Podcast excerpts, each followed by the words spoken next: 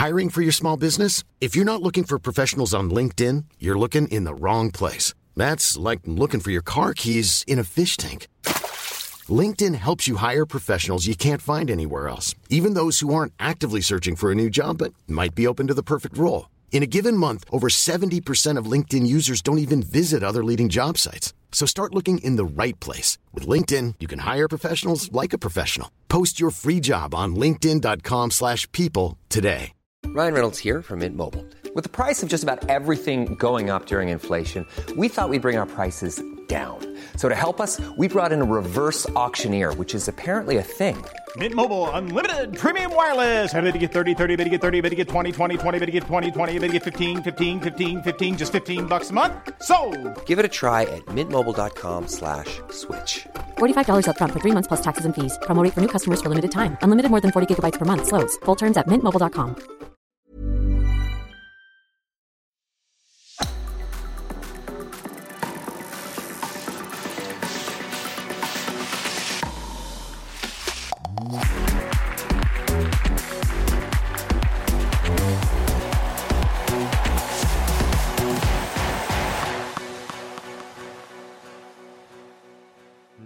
uke og ny episode av Indre bane. Velkommen skal du være, og velkommen skal eh, du være, Dorthea. Vi starter med å gratulere Birgit Skarstein, som var med her for to uker siden. Hun innfridde og tok sitt sjette VM-gull i roing i paraklassen. Råsterkt. Og har du ikke hørt eh, praten Dorthea og Susanne hadde med Birgit for to uker siden, så gå tilbake og finn eh, den.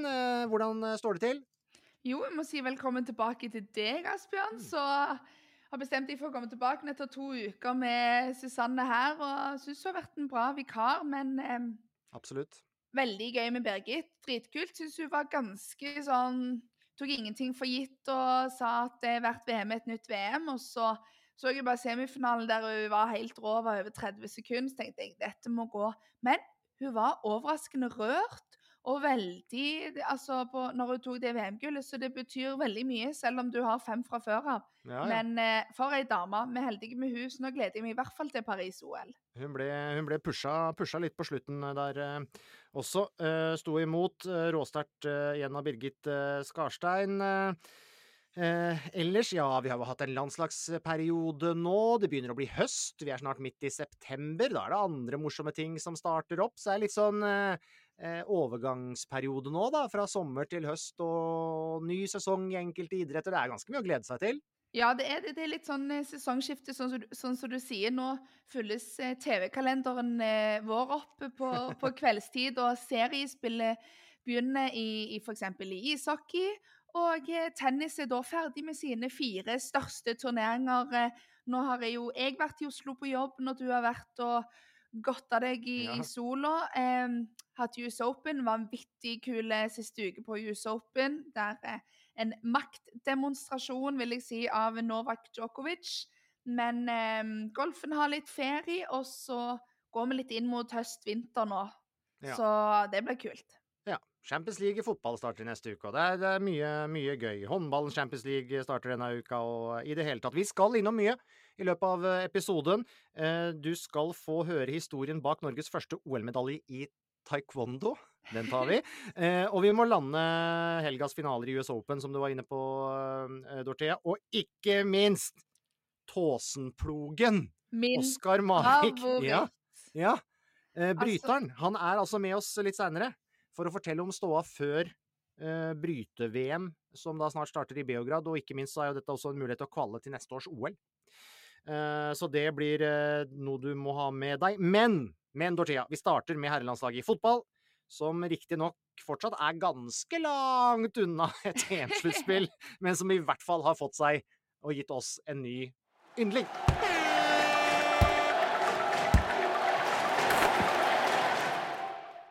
Jeg sitter igjen med to ting etter tirsdagens kamp mot Georgia, merker jeg. Og det ene er selvfølgelig gleden over å se 18 år gamle Antonio Nusa servere én målgivende til hver av de to største stjernene på det norske herrelandslaget. Eh, Det andre er vel dessverre hvor nær vi nok en gang er å rote det til og miste poeng på slutten av en eh, kamp vi i utgangspunktet er klart best i. Og det er jo gjerne det siste vi husker best, eh, Øyvind Herrebrødene i VG. Var du komfortabel i sluttminuttene der? Nei, eh, og i hvert fall ikke da Kvaratskhelia fikk ballen innafor 16, var det vel, eh, mot slutten. Da hadde det på en måte vært litt for typisk om Norge hadde sluppet inn den. Men eh, da må man jo også påpeke at nå holdt de unna, da. Ja. I motsetning til Altså, målforskjell kan jo ha bitte lite grann betydning, men man, må jo ta med seg det positive, at man ikke gikk helt ned i knestående. At man bare tok den første knyttneven i fjeset, og så reiste seg, eller i hvert fall holdt unna. Men litt, eh, litt urovekkende er det allikevel at dette her skjer litt for ofte. Eh, er, det, er, det, mentalt bare, eller er det strukturelt, eller hvordan ser du på det? Det er sikkert en blanding. Solbakken var jo faktisk ganske klar på at det var mentalt i går, etter at han fikk tenkt seg litt om eh, da han møtte oss i pressen eh, etterpå. Eh, for han sa kanskje mentalt, og så mener jeg liksom han dro det enda litt lenger etterpå, når han hadde tygd litt på det inni skallen. Så det er jo sånn som Man får vel Sniker seg vel inn en tankegang når, når det har skjedd før. Det har plaga deg før, og så, kom, og så føler du at å nei, nå skjer det igjen. Det er jo man har jo sett det her med norske herrelandslaget i håndball f.eks. Er jo en klassisk greie. Akkurat som eh, eh vi, også har eh, gode tradisjoner for å dra seieren i land eh, i Norge. Da. Altså, det kan jo være herrelaget i stafett i langrenn. Uansett hvor mye pressa dem er, så vinner jo de VM til slutt. Så eh, det er, det er nok en mental greie, først og fremst. Og så er det jo også sikkert litt strukturelt når man ser iskaldt på det når man er sliten og eh, kampen, eh, kampen, går inn mot slutten og det er litt kaos og det er litt desperasjon egentlig i begge lag. Da, da pleier strukturen å bryte opp litt. Grann. Men før det, Dorthea, så var det jo en god del å glede seg over, da. Eh, og ikke minst super, supernusa! ja, jeg syns han er helt rå. Jeg syns han er, virker så, så skjønn og ydmyk, og han er jo helt rå. Altså, det er spesielt målet til Ødegaard der, det er jo et vanvittig forarbeid, og han er så kul. Og intervjuet etterpå så sier han at det er lett når jeg har Ødegaard og Haaland som står der, og, men allikevel syns jeg han gjør en fantastisk jobb. Og så er det litt sånn, Vi snakker om de sluttminuttene. Jeg så Georgia sin trener gikk ut og var ganske så forbanna til at de bare fikk tre tilleggsminutt der. og jeg tror vi var, var ganske glad det bare gikk til 93 minutter. Men Nusa, wow, for en for en gutt, må man vel si, så ung han er.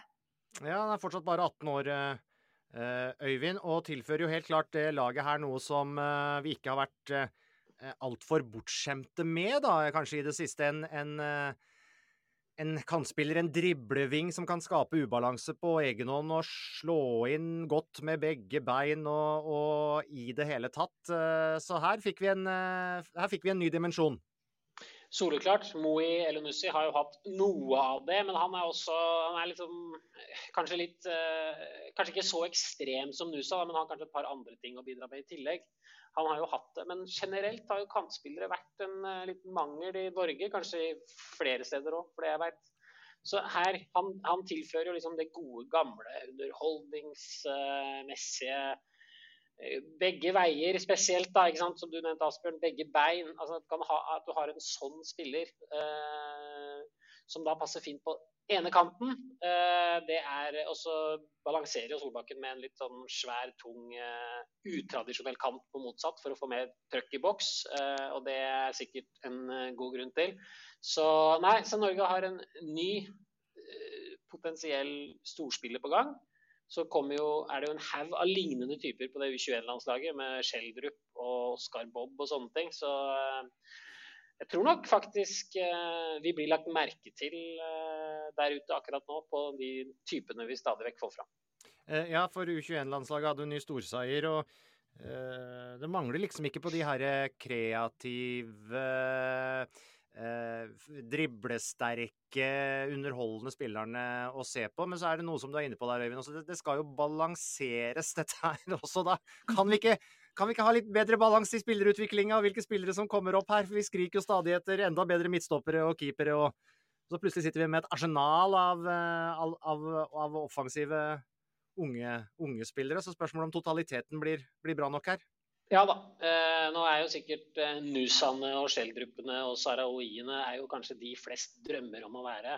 Eh, det er ikke så mange som drømmer om å være Henning Berg og hvis det, liksom, hvis det et valg der sånn. Men jeg tror nok, det, jeg tror nok vi, at uh, norsk spillerutvikling tar det på alvor når man ser nå at uh, nå er vi veldig gode til det her. Og så kanskje det på en måte vil, uh, vil skje noe, da. At vi prioriterer kanskje å få fram noen tøffe stoppere og noen dønn ærlige midtbaneslitere også. Um, så kan vi trøste oss litt da, selvfølgelig, Dorthea, med at eh, Sverige også sliter eh, i sin, eh, sin, kvalifiseringsgruppe. De gikk på en stjernesmell mot uh, Østerrike. Men uh, det er jo sånn at håpet lever selvfølgelig om et sluttspill, Øyvind, etter dette her. Skal vi gjøre det på den tradisjonelle måten og gå gjennom kvalifiseringsgruppa, så må vi i hvert fall vinne de tre kampene vi har igjen, og i tillegg så må andre resultater vel gå vår vei. Og så finnes det som vanlig en, en bakdør inn i, inn i, disse, inn disse sluttspillene? Jeg tror det er best å konsentrere seg om det. Eller det er der muligheten er størst, da. Det er jo opplest og vedtatt. Uh, Norge må sikkert uansett vinne sine gjenstående matcher. Det spørs om det det spørs egentlig om det Altså det blir jo tøft nok i seg sjøl uh, med de kampene som gjenstår. Så, men hvis vi skal se litt på bakveien, da, vi har selvfølgelig allerede gjort det, uh, så tror jeg liksom det er tre grupper eh, vi kan eh, legge merke til. Og det er gruppa til Danmark, der Danmark også faktisk har slitt litt. De tapte jo mot Kasakhstan, så de også eh, er faktisk en litt sånn eh, eh, Altså de er ikke i en kanonposisjon, da. Eh, men hvis vi får Finland inn foran Slovenia i den gruppa Nå tapte jo Finland mot nettopp Danmark, og selvfølgelig at Danmark vinner. Så, er det en god mulighet. Samtidig som at vi får Israel foran Romania i en annen gruppe. Og mm. Polen foran Albania. Den siste er antageligvis faktisk ganske usannsynlig, for Polen har uh, fått en dårlig start. Albania to... kom jo rett fra Albania, de leder jo gruppa si. Faktisk, Helt riktig, med ti, ti poeng. Så ja. Så, uh, men, men, to av tre de scenarioene der holder mm. for Norge. Kanskje til og med én av tre, men da er vi på et sånt veldig, veldig sånn teoretisk nivå. Men hvis de to av de tre tingene skjer, at Finland kommer foran Slovenia og Israel kommer foran Romania, så er sannsynligheten veldig god for playoff. Så det er bare å benke seg for, uh, for de spennende gruppene det er sånn uh, da i oktober. Og det her vil nok antageligvis pågå helt til siste spilldag i november. Jeg tror faktisk Norge spiller på nest siste dag av landslagssamlinga i november. Og så er det noen helt fullstendig avgjørende kamper for Norge, mest sannsynlig da mm. dagen etter.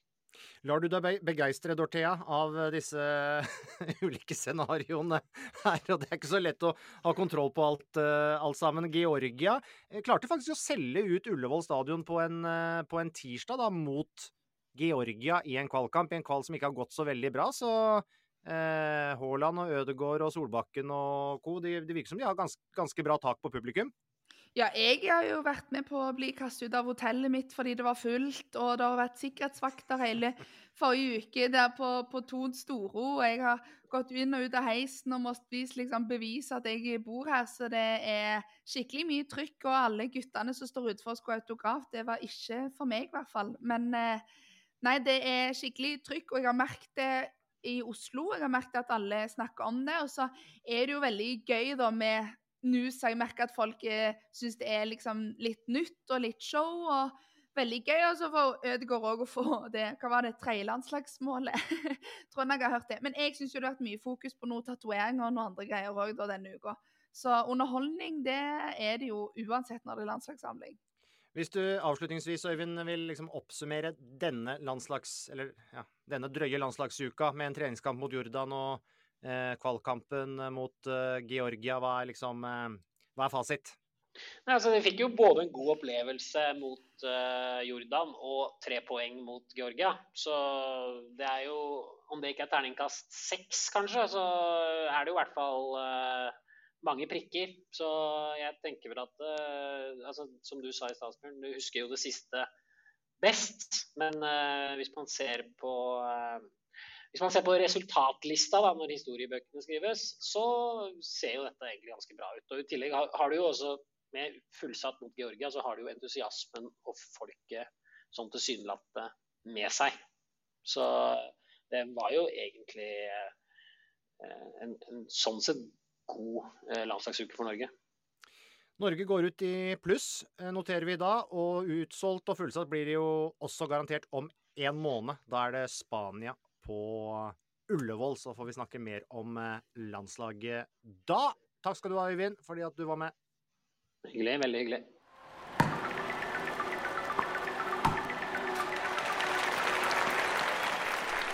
Ja, de gamle er og blir eh, eldst og best. Eh, Novak Djokovic vant sin 24. Grand Slam da han slo Daniel Medvedev eh, i US Open-finalen. Tangerte med det Margaret Court, og ingenting tyder vel på at han gir seg med det første. Og ingenting tyder vel på at han gir seg, i hvert fall før han er den eneste med 25 Grand Slams. Eh, Og nå er han også verdensener igjen, Dorthea. Er du imponert?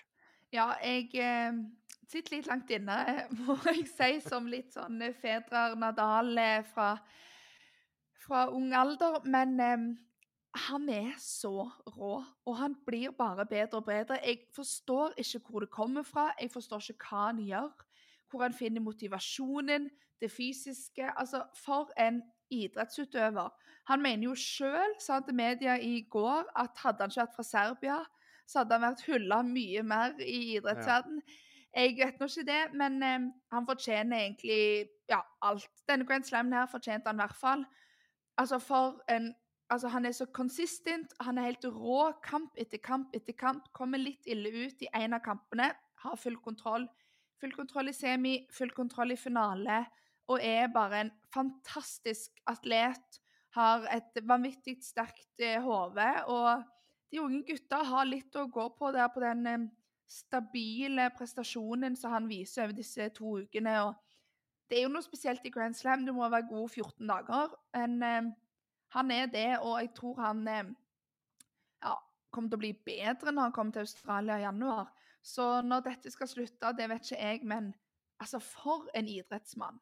Ja, det er helt, eh, helt vilt. Og, og som du vel også er inne på der, eh, erfaringa kommer selvfølgelig godt med. Mentaliteten han har, er jo helt ekstrem. Og han lever jo også et ganske ekstremt liv. Han lever under et ekstremt eh, kostholdsregime og treningsregime, og han, han, gjør jo virkelig det som er mulig for å, for å ta vare på, på kroppen sin og fysikken sin.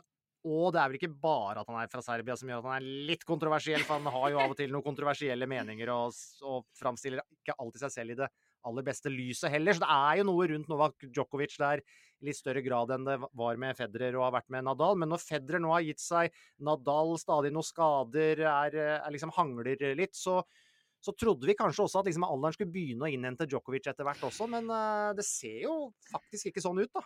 Nei, det gjør ikke det. Og det er flere som sier det at hadde Nadal fulgt regimet til Djoko, så hadde han ikke vært skada. Mm. Vi snakker om overbelasting, vi snakker om betennelsesskader. Vi, vi, snakker om eh, ja, kropper som har vært på touren i 20 år snart. Eh, altså, Djokovic begynte å vinne i 2003, liksom. Det er jo helt vilt, det trykket han har hatt eh, over, over så mange år. og og det er jo helt sykt hva den kroppen klarer, men sånn som du sier, altså hodet at han klarer å gå ut på det kan være den 36. finalen eh, og ha 24 Grand Slam-titler. Altså, mm. Det er så vanvittig hvordan han klarer å, å, å, å, finne løsninger på ting i kampene. At han klarer å finne motivasjonen til å komme tilbake og tilbake. og Det er jo ikke gitt at han skal vinne. Jeg syns det er så mange unge gode. Medvedev så jo uslåelig ut i semifinalen når han slo Alcaraz. Mm. Da var jo nesten ingen som trodde han skulle gjøre det. Eh, så det er en sånn maktgreie som han bare Han bare bestemmer seg. Og så er han jo litt kontroversiell, sånn som du sier. Han har jo både blitt eh, kasta ut av US Open, mm. der han traff eh, en linjedommer i magen. Han har ikke vaksinert seg for korona. Han eh, går og hermer etter unggutter på touren, hvordan de har sånne syke feiringer. Men allikevel så blir det jo alltid litt snakk om han, og sant? det blir mer oppmerksomhet og mer show, og så er det jo rått når han vinner. Jeg føler du kommer unna med ganske mye når du har 24 Grand Slams. Ja, ja. Og, og han, kommer han, kommer selvfølgelig til å ta den 25. Ja, ja. Det er ikke ja. snakk om det. Eh, og han har eh, ekstremt gode resultater og mange, mange år i Australia, som er da neste Grand Slam som kommer mm. opp. Så jeg tror han tar han allerede der. Så blir det spennende da om Nadal kommer tilbake i, på grusen i Paris. Tror nok det er Rafael Nadal som er litt keen på OL, som òg mm. går på grusen i Paris. tror nok Djokovic òg er ganske keen på det OL-gullet, så vi får se. Men eh, han har liksom ikke begynt å gå bitte litt nedover en gang i denne karrieren sin. Han er ennå på en stigende kurve, alder 36 år. Helt, helt rått. Ja. Um, I kvinnefinalen, eh, for å hoppe dit, så ble det jo på mange måter en oppfyllelse av The American Dream. Dorthea, det liker jo du som er Du er jo nærmest litt sånn halv, halvamerikaner å regne. Ja. Eh, 19 år gamle Kogauf eh, slo Sabalenka, tok sin første eh, Grand Slam. Fantastisk historie, selvfølgelig, med Coco, eh, som jo også krevde noe ekstra, fordi eh, det så ikke så bra ut innledningsvis der eh, for eh, hjemmehåpet i, i finalen. Nei, det gjorde ikke det. Og Sabalenka er vel, jeg vil si, kanskje den som har vært mest stabil med ekstremt bra resultater dette året på, på, på damesiden. Hun spiller jo den hardeste tennisen du kan få. altså Hun slår vanvittig hardt. Og det er liksom bare go, go, go fra, fra begynnelsen. Det er en Coco Golf som jeg har sett har ligget og venta litt, og det er helt sprøtt, fordi det er liksom ingen i senior toppidrett født i 2004 som har så mye eh, erfaring som Coco har. Altså, hun slo Venus Williams i Wimbledon i en alder av 14-15. Og, og nå er liksom blitt litt sånn etablert. Eh, Renka nummer tre nå på, på VTA-touren, men etablert topp ti-spiller så ung. Så vi kan ikke si vi har venta litt på det, men eh, vi har jo vært litt sånn Å, hun har røket litt tidlig i, i Wimbledon, f.eks. Røket litt tidlig, så har vi tenkt Klarer hun å ta det siste steget, eller blir hun bare litt sånn topp 20 forever ever? Men eh, etter trenerbytte eh, har hun hatt, hatt en vanvittig eh, oppkjøring til US Open. Kom inn med en tittel i, i Cincinnati. Så har det jo vært det mentale, da. Hun har jo en fantastisk fysikk. Hun har jo ekstremt mye verktøy. Eh, men det er mye for Det er mye for Djokovic å stå i New US Open-finale.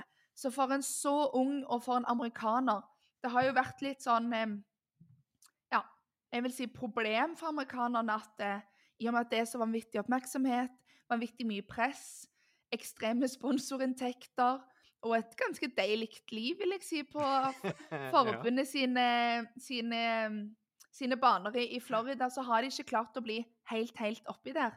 Men eh, Coco, hun klarte det, og skikkelig American dream. Jeg ble helt, helt rørt. Og det er litt sånn tendenser på dametennisen at du er ung, får en Grand Slam-tittel, og så forsvinner du kanskje Mhm. litt. Men jeg tror Coco Dette er bare den første Grand Slammen. For hun har vist en vanvittig motivasjon og har et ekstremt profesjonelt team rundt seg som hun har hatt i mange år. Og en mer stabilitet enn de andre unge jentene på touren. Så jeg tror hun har kommet for å bli, og amerikanerne de har savna dette. Så Coco hun er på alle sine lepper. Ja, også, også selv om hun selvfølgelig har hun har solid team, superseriøs, eh, alt mulig, så er hun også litt type. Som, Ja. som kvinnetennisen sannsynligvis eh, trenger. For uh, hvis vi skal være ærlige, en del av de som har vært i verdenstoppen nå de siste åra, har ikke vært Alle har ikke vært like spennende. Nei, jeg er helt enig. Og så er det litt sånn hvis du da har tørt å vise personlighet, eller hvis du har tørt å vise typ Serena Williams, Mm. så har du fått så ekstremt mye mot deg. Det har liksom ikke vært rom for det, nesten. Mm. Eh, så det har liksom bare vært lettest å kanskje blende inn. Eh, og så har du fått litt sånn hard tyn når kanskje du ikke har hatt de beste resultatene, mens alle stiller når du gjør det bra. Og det har vært litt sånn med Coco òg. Hun sa jo det i takketalen sin òg, at eh, denne er til alle de som ikke har trodd på meg. Fordi hun har hatt litt folk imot seg fordi hun har hatt vanvittige ambisjoner eh, fra ung, ung alder.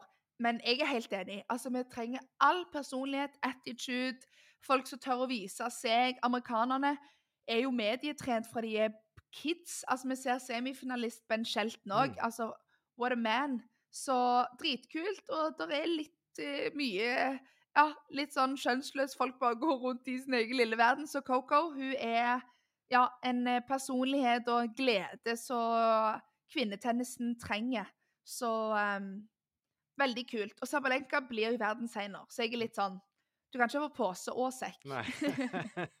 du, du hører jo bare Coco Gauff det, altså, det er jo et brand i seg selv. Liksom. Det er jo fantastisk. Eh, det som ikke er like fantastisk, like bra, det ble jo selvfølgelig et ranking, eh, rankingfall for eh, Kasper Ruud, dette her, da, siden han var i finalen i fjor. Eh, røk ut i andre runde nå. Da taper man masse poeng. Og ATP mm, Finals i Torino har vel vært selvfølgelig et eh, mål. Eh, nå er han da ranka som nummer eh, nå er han vel nummer ni på verdensrankingen, men ATP Finals eh, også henger i en tynn tråd.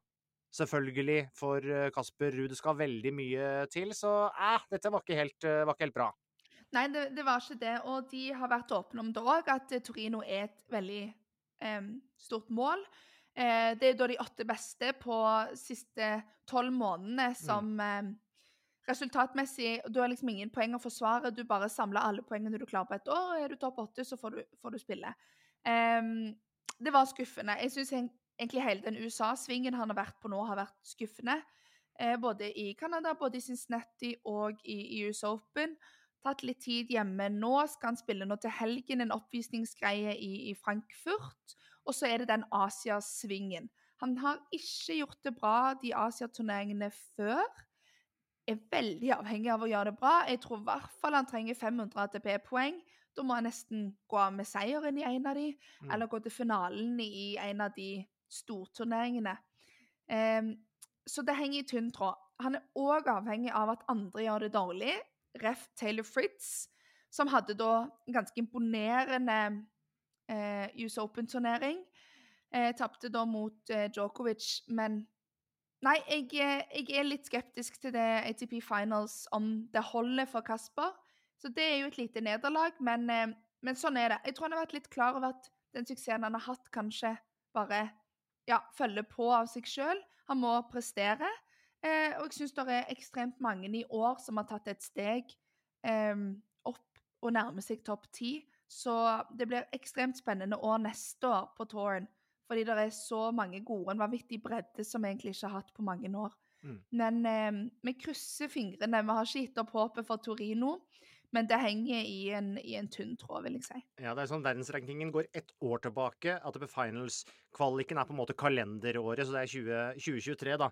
Ehm, ser du for deg en form for liksom resetting for Kasper Ruud nå før 2024? Eh, er det liksom det som skal, skal til, eller hva, hva tenker du om det sånn avslutningsvis her?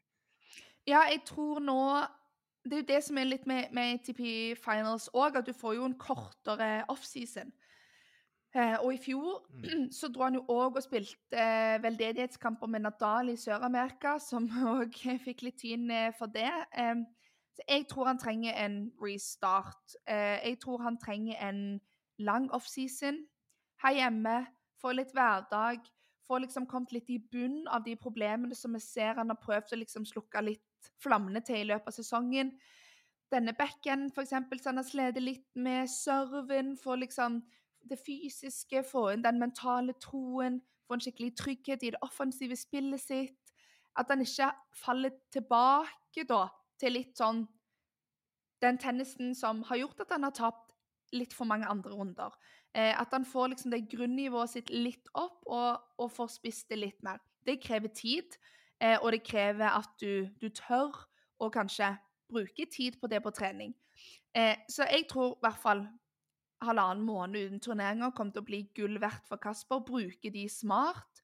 Eh, og få opp den troa da, og starte litt sånn med blanke ark. Eh, for eh, ja, det er litt sånn samme med landslaget i fotball. Når du vet at du har sluppet inn i sluttminuttene, når du vet at du har røket et par andre runder mot litt underdogs, så kommer det kanskje å ta deg litt.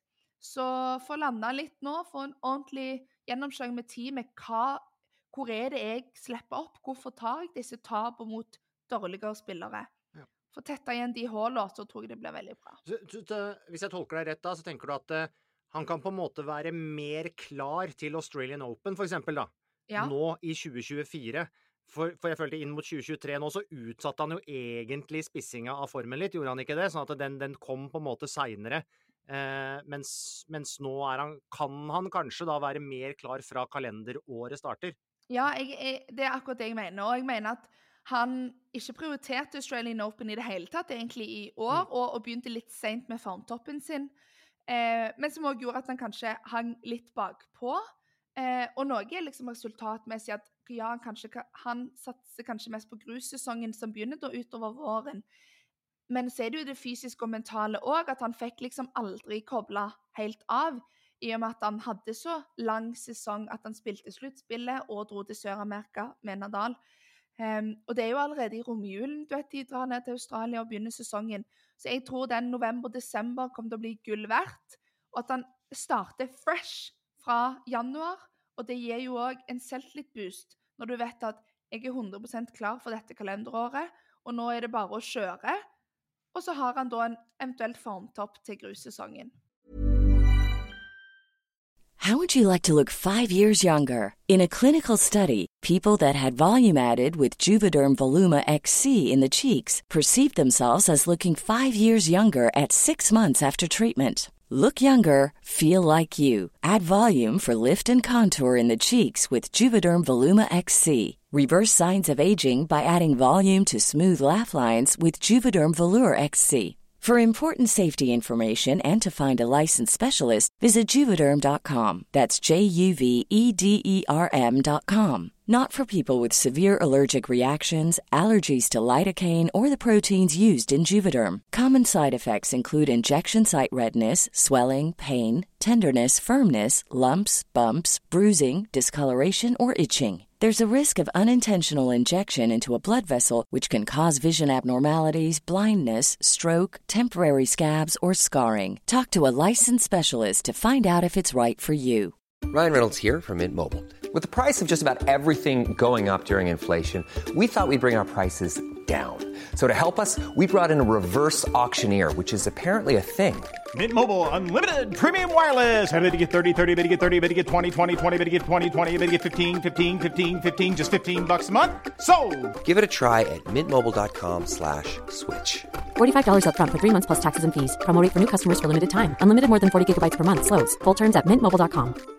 I'm Sandra, and I'm just the professional your small business was looking for. But you didn't hire me because you didn't use LinkedIn jobs. LinkedIn has professionals you can't find anywhere else, including those who aren't actively looking for a new job but might be open to the perfect role, like me. In a given month, over 70% of LinkedIn users don't visit other leading job sites. So if you're not looking on LinkedIn, you'll miss out on great candidates like Sandra. Start hiring professionals like a professional. Post your free job on linkedin.com/people slash people today.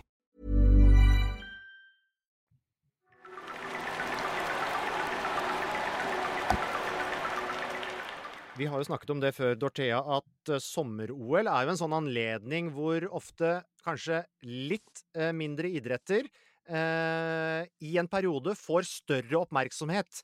Eh, vi snakka jo med Martinus Grov her litt eh, tidligere, som gjorde bueskytting, i hvert fall for noen dager, til en folkesport i Norge. Og da taekwondo sto på OL-programmet for første gang i OL i 2000, eh, i Sydney, em, så var det kanskje ikke så mange, Trude, som eh, hadde sett for seg en norsk OL-medalje i taekwondo som ikke så man mange nødvendigvis eh, visste så mye om. Men eh, ikke bare var det historisk med taekwondo i sommer-OL, men det ble også en historisk norsk OL-sølvmedalje til deg i lekene Down eh, Under. Du må først starte med å fortelle hvordan var veien din inn i denne kampsporten, inn i taekwondo?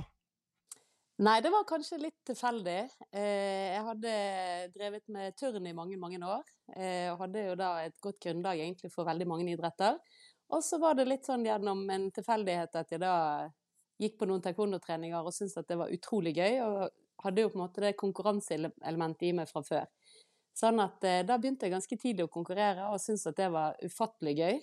Og så ballet det bare veldig fort, fort på seg til EM og olympiske uttak til slutt. Mm.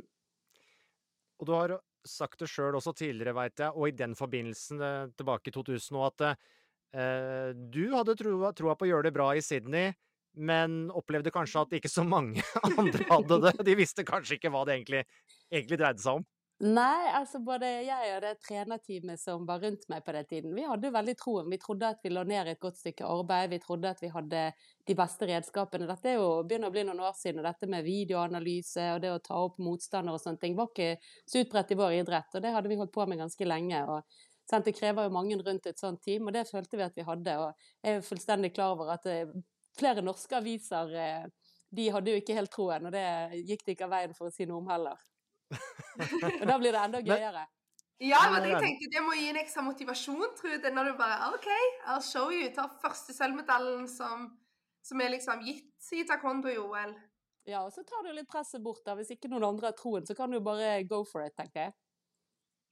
Men hva, hva husker du spesielt godt fra det å være eh, Ja, det ene olympisk deltaker, for det er spesielt. Eh, også de konkurransene du sto i, i sjøl de matchene du sjøl eh, gikk der. Nei, jeg husker egentlig at jeg var, jeg var liksom ekstremt fokusert på det som skulle skje. Altså liksom selve konkurransen. For meg var det jo på en måte som veldig mange andre konkurranser, bare at det var utrolig mye mer rundt. Dette med å bli hentet ved der du bor og kjørt i egen eh, bil innenfor lukkede områder og sånn.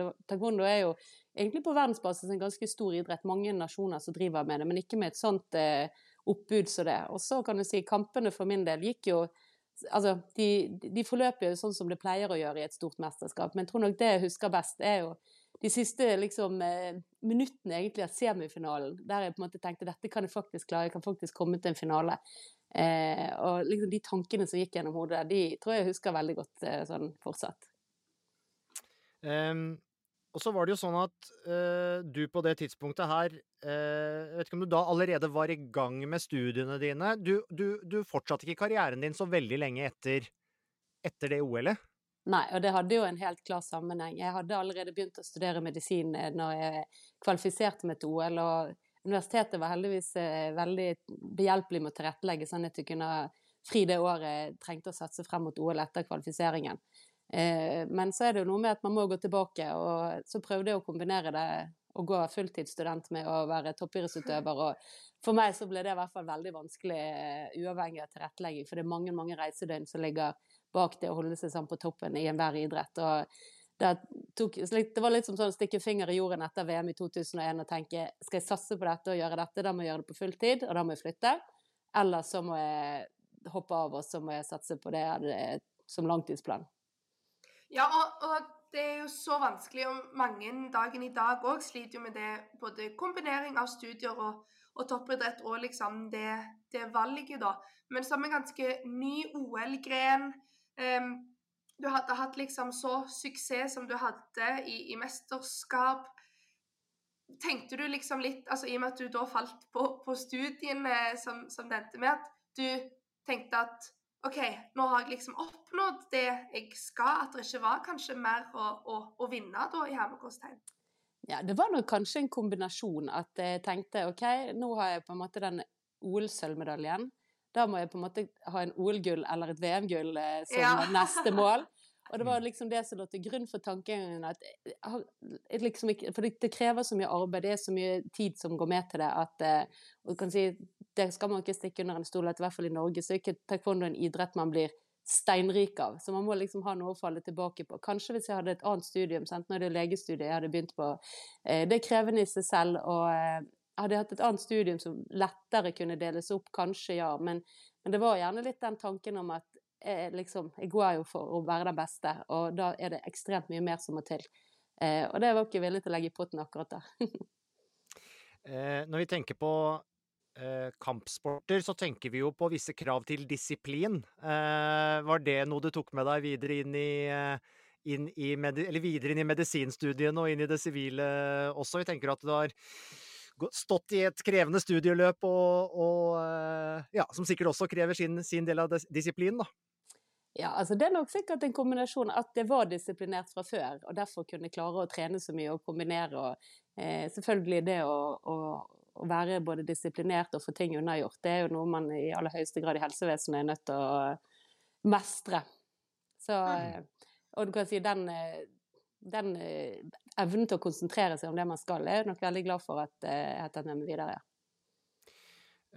Og så er det jo sånn at du sier taekwondo, taekwondo ikke er nødvendigvis så stort i uh, Norge. Noen år etterpå så tok jo Nina Solheim også uh, OL-sølv. Det var vel i 2008. Eh, eh, så husker vi fra for to år siden, det utsatte OL-et som var i Tokyo, så hadde vi vel Rikard eh, Ordemann med der, som også vel nå satser videre og er i nærheten av å kvalifisere seg til å være med i OL, OL neste år. sånn at det er jo et eh, miljø. Har du fått noen tilbakemeldinger på at du har inspirert litt gjennom det du gjorde i, i 2000? Ja, jeg tror nok noen av de, spesielt noen av de yngre jentene. Det har jo vært, eh, fra jeg på en måte ga meg og frem til nå, så har det vært eh, flere jenter også som eh, har, har satset på taekwondo. Og jeg tror nok akkurat i den startgruppen der, så var det nok mange som så for seg at dette kunne bli noe større. På det tidspunktet så var jo taekwondo et lite forbund, og selvfølgelig ikke veldig store bevilgninger og store sponsorkontrakter. Og sånn sett så syns jeg det er veldig gledelig at man nå satser mer mot at de som driver med det, skal gjøre det på fulltid. og eh, bare konsentrere seg om det. Og det ser jeg jo at de, de gjør jo det nå. Sånn at eh, jeg tror jo at ting endrer seg over tid, og selvfølgelig det man slår igjennom. og Det med Olympiatoppen og OL er jo noe spesielt som setter idretter på kartet, og som gjør at man får eh, mer oppmerksomhet, som igjen fører til mer penger. Men, og du har nå to barn. Ja. Eh, og eh, er det sånn at sølvmedaljen ligger framme? Er det sånn at nå må dere oppføre dere, hvis ikke så tar du en liten sånn vri på dem, eller eh, Eller holder du det med ved like? Tar du deg en session ute i hagen og, så naboene står og titter, Det er jo kanskje lettere med jeg som har spilt tennis, sant? at du holder det litt Kan gå og spille en time tennis, men, men, men hvordan funker det, ja? Og eh, hvor er sølvmedaljen? For å svare på det siste først. Har, jeg har to barn som begge to er glad i idrett og driver masse med idrett, så vi har en sånn premiehylle. Der ligger den et eller annet sted eh, innimellom. Alle fotballmedaljer og dansepokaler og all sånne ting. Eh, det blir ikke noe session i hagen. Eh, jeg, jeg, ga meg egentlig med taekwondo når jeg var gravid med den eldste, hun blir nå 18. Eh, og etter det så var, prøvde jeg å ta det litt opp igjen, men så ble det et eller annet med at det var ikke så gøy når eh, når jeg visste hva jeg hadde kunnet, og så merket jeg at det var ikke så lett å få til lenger. Sånn at jeg driver og holder ved like formen, men ikke med taekwondo. Um, er de, er de si, overrasket over at mor, mor har et OL-sølv der? Det er vel ikke sånn du nødvendigvis går og, går og brifer med og snakker så mye om til vanlig, men uh, de, minnes på det sånn med ujevne mellomrom? Ja, jeg tror kanskje ikke de tenker så mye over det sånn i hverdagen. Men så er det kanskje andre. Da, sånn De driver med idrett begge to, og så er det litt, eh, noen som har googlet litt, og sånn, og så er det gjerne noen som spør de om det. Og så tenker de nok litt på det, men jeg tror i det store og det hele så er de veldig lite opptatt av akkurat det. Du blir i hvert fall stående, uh, Trude Gundersen, som uh, historisk med den første norske OL-medaljen i taekwondo. Det, det, er det umulig å ta fra deg, fra deg, uansett hva som skjer. Forhåpentligvis så får vi jo mange flere taekwondo-medaljer i OL i framtida. Takk ja, skal du ha for at du var med. Takk. Takk skal du ha. Da vi meldtes litt tidligere i uka, Dorthea, så snakka vi om eh, VM i bryting som starter om noen få dager, og da sa du jeg elsker Tåsenplogen! Og her er han, da. Oskar Marvik Tåsenplogen. En av uh, seks mannlige og tre kvinnelige brytere, vel, som er i den norske troppen til VM i Beograd. Og det handler jo om VM-suksess, men det er også OL-plasser på spill. Og Det kan vi komme tilbake til seinere. Men uh, først, åssen uh, føler du deg? Nei, jeg er veldig spent, da. Så dette VM-et er jo ekstra spesielt og viktig ettersom det er OL-kvalifisering til Paris neste år. Mm. Så det er mye som står på spill. og Du kan gå hjem med både medalje og OL-billett hvis du er, har dagen, da. Så det hadde vært drømmen om det, om det, gikk i havn. Um, du tok en EM-bronse tidligere i år, og så husker vi jo VM på hjemmebane for et par, eh, par år siden som, som, endte med medalje. Og så vet du, var litt sånn sjukdom veldig inn mot den forrige OL-kvaliken, og så har det vært kne, var det vel noen kneskader i fjor, og litt, eh, litt ymse ting. Hvordan er liksom eh, formen nå, da? Når er, ja, det er vel omtrent ei uke igjen til du skal i kamp, da? Nei, formen er den er, Jeg vil si den er ganske grei. Eh, det er jo klart at sender du en bryter på EU-kontroll, så er det mange prikker å finne. Så blir, jeg tror ingen av oss blir, får godkjent stempel der, men, men jeg føler meg helt grei. Jeg har slitt mye med ryggen denne sesongen. Jeg har jo operert ryggen to ganger for prolaps. Så det har vært den største utfordringen for meg denne sesongen her. I tillegg til at uh, korona er jo fortsatt ute der og, og lever livet sitt. Og, og da er ikke akkurat bryting den mest smittevennlige sporten å drive med. Så der har jeg et klippekort som er eh, fullt. Det var vel, Men- var vel sjette, sjette gangen jeg fikk det nå.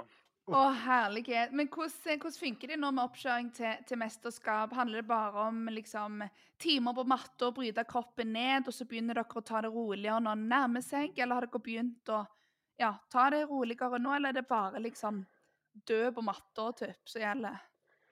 Nei, altså når du ligger død på matta, det er jo under oppkjøringsperiodene hvor det er ganske hardt.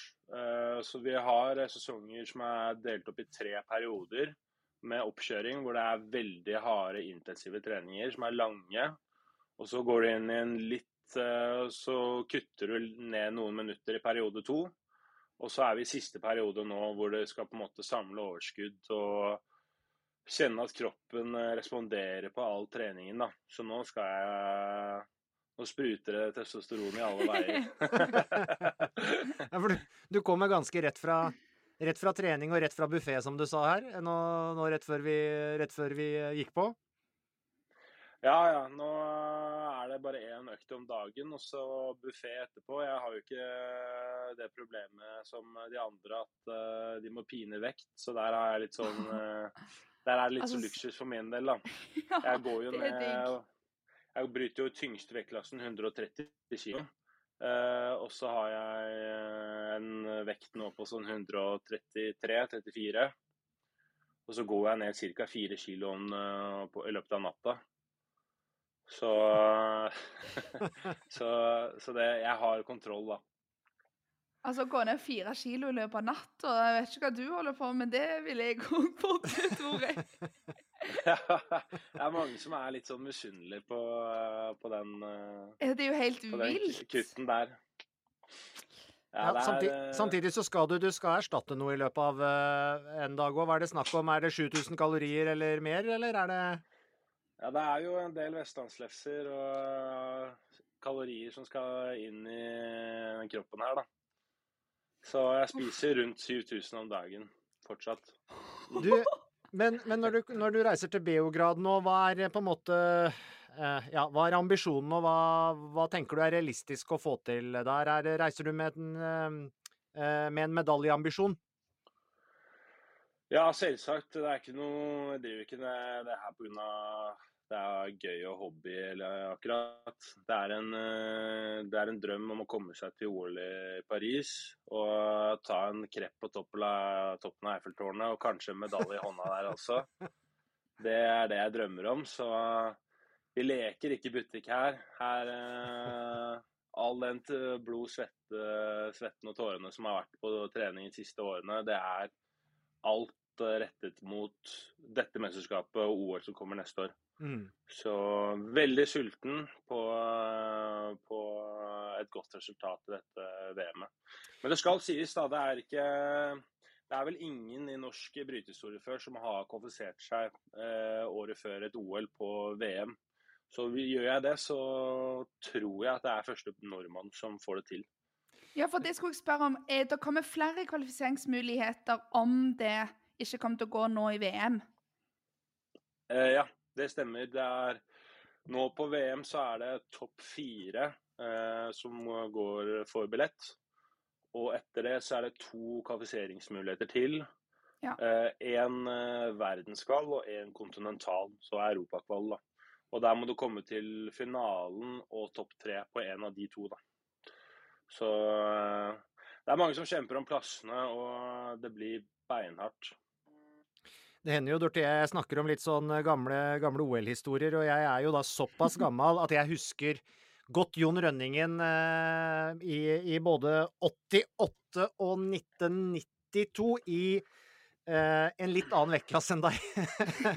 men, men, men den gang så var jo det enormt den gang så var jo det enormt svært, fordi at eh, da hadde vi ikke noe sånn Karsten Warholm eller Ingebrigtsen eller sånne i sommer-OL, så da var jo det å, å ta et OL-gull i et sommer-OL var, var jo enormt. Og den gangen så hadde jo bryting et bra oppsving med det. Um, og så tok jo Stig André Berge selvfølgelig en medalje i Rio, så det, det er jo litt eh, nyere. Nå har jo dere Ja. fått mye oppmerksomhet eh, siste, de siste par åra eh, med, med hodet i klemme, med, med den TV-serien, et mesterskap på hjemmebane. Og så figurerer jo flere av dere i litt sånn reality-er og sånn etter, etter hvert også. Hvordan, hvordan merker dere litt uh, av den økte oppmerksomheten? Nei, det er klart at uh, hodet i klemme har vært et veldig positiv uh, ting for oss. Det har åpnet mange dører, og folk har fått mer rettet mer blikk mot bryting. Da. Så vi har fått mye mer oppmerksomhet rundt sporten. Og folk jeg syns også kanskje vi er ålreite typer da, som de vil ha med på andre programmer. Så det er klart at det har vært en døråpner som har gitt oss flere muligheter. Jeg skal ikke spoile noe, men hvordan, hvordan tror du Morten Thoresen klarer seg i 'Forræder' nå? det er bare første episode jeg... som har kommet ut, men ja. Nei, jeg sitter ikke med noe innsideinformasjon. Han er veldig uh, tyst der, da, så jeg er like spent som, uh, som alle andre, egentlig. Jeg, jeg, tror han egentlig kan gjøre det ganske bra, for jeg, det virker som på den første episoden at at folk ikke, at tar Morten litt for gitt. da. Ja. At han, han, er ikke, han, er ikke, smart nok til å være en forræder, på en måte. Men uh, jeg tror han er lur nok til å lure de andre. Dorthea, du har, Dorthea, du har elska å se på Hodet i klemme? Ja, jeg har det, og mamma òg. Jeg ringte mamma og bare 'Å, Tose Plogen skal være med! Å, så koselig!' Så vi føler jo at vi liksom har blitt kjent med dere, og Morten han griner og griner, og du vet, vi smelter jo helt i sofaen. og eh, men jeg syns det det er så gøy for bryting, som ikke er en av de liksom, største idrettene i Norge, å få den oppmerksomheten. og Sånn som du sier, vi, vi har jo snakket om det tidligere på den òg, Asbjørn. Det med sponsorinntekter, det med ikke sant, forbund som sliter. Nå har det vært det Hockeyforbundet som har slitt med å få inn eh, Vi får liksom et vanvittig inneblikk og en respekt som man liksom Jeg har jo ikke hatt aning hvor tøft dere har trent, eller hvordan realiteten dere har vært i der. Hotellet dere bor på, og de reisene, det er jo ikke Det er jo et hundeliv. Og det er jo toppidretten er jo ofte det. Så jeg er kjempefan av, eh, av hodet i klemme, og jeg syns det er dritkult. Det er jo liksom et springbrett både for dere som er aktive, men òg for, for, de andre. Du ser jo hvem som er med på Skal vi danse. Det er jo, det er jo der de begynte. ja. så, så, er det jo også, ja, så er det jo også sånn at et, eh, et OL er et enda større utstillingsvindu, og kanskje særlig for de litt mindre idrettene. Det å uh, komme med i et sommer-OL uh, som en norsk bryter og få representere der, det, det, skjønner vi jo at det er noe som virkelig, virkelig henger høyt, da. Ja, det er ikke noe hverdagskost, det. Det er veldig tøffe kvalifiseringskrav. Og eh, det er jo en veldig stor sport på globalt basis. Så jeg tror det Jeg vet ikke hvor mange nasjoner skal være på dette VM-et her, men jeg tipper at det er et sted mellom 150 og 200. Eh, hvor, hvor, mye tøffere er konkurransen vil du si, nå i et VM kontra et EM, sånn som du brøyt tidligere, tidligere i år? Altså, det er jo, det, jeg skjønner jo at det kommer en del asiater, det kommer noen cubanere. Det, eh, det, er jo en del sterke nasjoner utafor Europa også? Ja, absolutt. Eh, det blir Jeg tenker at det er, det er Altså, VM er VM, og kontinentale mesterskap er kontinentale mesterskap. Men Europa i min vekt er kanskje den beste, hvis du ser bort fra Iran og eh, Cuba. Mm. Så jeg vil nok ha en del ekstra tøff konkurranse utenfra også, de europeiske grensene. Men uh, nå har jeg blitt sidet som nummer åtte i verden, mm. så da vet jeg på en måte hvilken gruppe jeg bryter i nå. Og det er med stort sett europeiske brytere, bortsett fra en kineser. Og så blir det spennende å se hvem som blir de andre i gruppa også, da, som ikke er Sida. Så der kan jo bl.a. Eh, Russland komme inn, da, siden de eh, plutselig får lov å stille til start igjen. Og så, eh, dere, dere, har hatt et skifte i, på landslagstrenere vel, altså inn foran, foran denne her sesongen. Hvordan har opplegget vært det siste året, føler du? Nei, Det har vært litt opp og ned. Eh, det er klart at eh, når du eh, på en måte gjør et bytte i stallen, så er det jo litt sånn et nytt Man må jo lære seg å kjenne litt systemet mm. på nytt og, og bygge en, et nytt samarbeid, på en måte. Eh, jeg føler at vi hadde en utrolig bra start på året, ettersom vi, det gikk ganske smertefritt å bytte. Eh, og det resulterte jo i et historisk EM-resultat også, med to medaljer. Eh, og så mista vi han ene treneren, som var både trener i Danmark og Norge. og fikk en ny polakk. Og det har vært litt utfordrende, men jeg har fortsatt stor tillit til systemet og tror på at det Eh, er en veldig bærekraftig og god modell. da. Så har vi også en veldig flink eh, norsktrener også med på laget, som skal, si, som skal nevnes. Um, det er vel først i Er det, hvis jeg ikke tar feil, kanskje torsdag neste uke du skal i aksjon første gangen, eller? Mot slutten av uh, neste uke, er det det? Ja, det er turbotorsdag, ja. 21. Turbotorsdag. Ja, det er, helt, det er helt nydelig. Eh, da har du fortsatt noen dager å forberede deg på. Det skal jeg jo begynne å kalle torsdagene mine for turbotorsdag. Ja, ja, ja. Det er helt, helt nydelig. Um, eh, Oskar, tusen takk. Vi gleder oss til å følge med i VM nå. Håper Uh, håper at du bare Eller at vi sikrer den, uh, den OL-plassen så fort som mulig. Skal jo sies at de her OL-plassene i bryting, som i en del andre idretter, det er jo landet som sikrer seg den, ikke sant? Og så er det Skal vi være såpass Så er vi ja. såpass trygge på at så lenge du holder deg skadefri, så er det du som representerer Norge den klassen i OL i Paris. Bare vi får oss den plassen, så er det, ja. så er, så er det sagt òg. Og siden vi skal sende OL neste år, så, så, håper vi på å få flest mulig brytere med der. Lykke til i VM i Beograd! Vi nærmer oss slutten av denne episoden. Eh, godt eh, å være tilbake, selvfølgelig, Dorthea. Eh, Viking eh, skal til Haugesund til helga. Tenk på det. Det er ti kamper igjen. Viking eh, likt med Glimt. Tre, Tromsø tre poeng bak. Oh! For en match, hæ? Ja, jeg syns de trøbla litt. Både Bodø og Viking tapte poeng nå mot HamKam og Vålerenga. Så nå er det oppe i ringa for Vikinggutta. Litt sånn derby mot Haugesund. Vi elsker jo det. Det går nok eh, busser fra Jåttåvågen til Haugesund, vet du. Ja, ja, over Boknafjorden der og Hæ? Det er jo en eh, kjempe, kjempetur. Og så er det um, seriestart i ishockey, både i SHL, uh, men også i den nye eh, EHL. Elite Hockey League heter det nå i Norge. Har du hørt? Altså, kreative, herlige Jeg måtte jo finne på noe. Jeg mente jo det skulle hete NHL, sant? Ja, Norges ja. hockeyliga. Norges hockeyliga, NHL. Ja ja, men EHL er det vel også noe for så vidt et eller annet sted som heter fra før. Men det er jo eh, Det starter også nå til helga. Det er Vålerenga Frisk Asker på, på fredag på Jordal, utsolgt visstnok. Og så da begynner liksom vintersesongen å nærme seg litt, når ishockeyen eh, er i gang igjen også. Så det er, eh, ja, det er masse å glede seg til. Ja, så er det jo Premier League i helga. Det ja, blir òg kult. Ja, ja, ja, herlighet. Um, det betyr også, Dorthea, at vi sikkert har mye å snakke om når vi møtes i neste uke. Det gjør det. Vi har alltid det, vet du, Asbjørn. Eh, fornøyd med å ha meg tilbake? Veldig, veldig. Det var veldig kjekt med Susanne. Og, ja. Um, men hun får jeg jo ha som kollega i tennisstudio, så er det godt ja. å ha deg tilbake her. Veldig bra. Veldig bra. Eh, da eh, takker vi for oss for i dag, og da gjenstår det vel bare å si Snagges. Snakkes.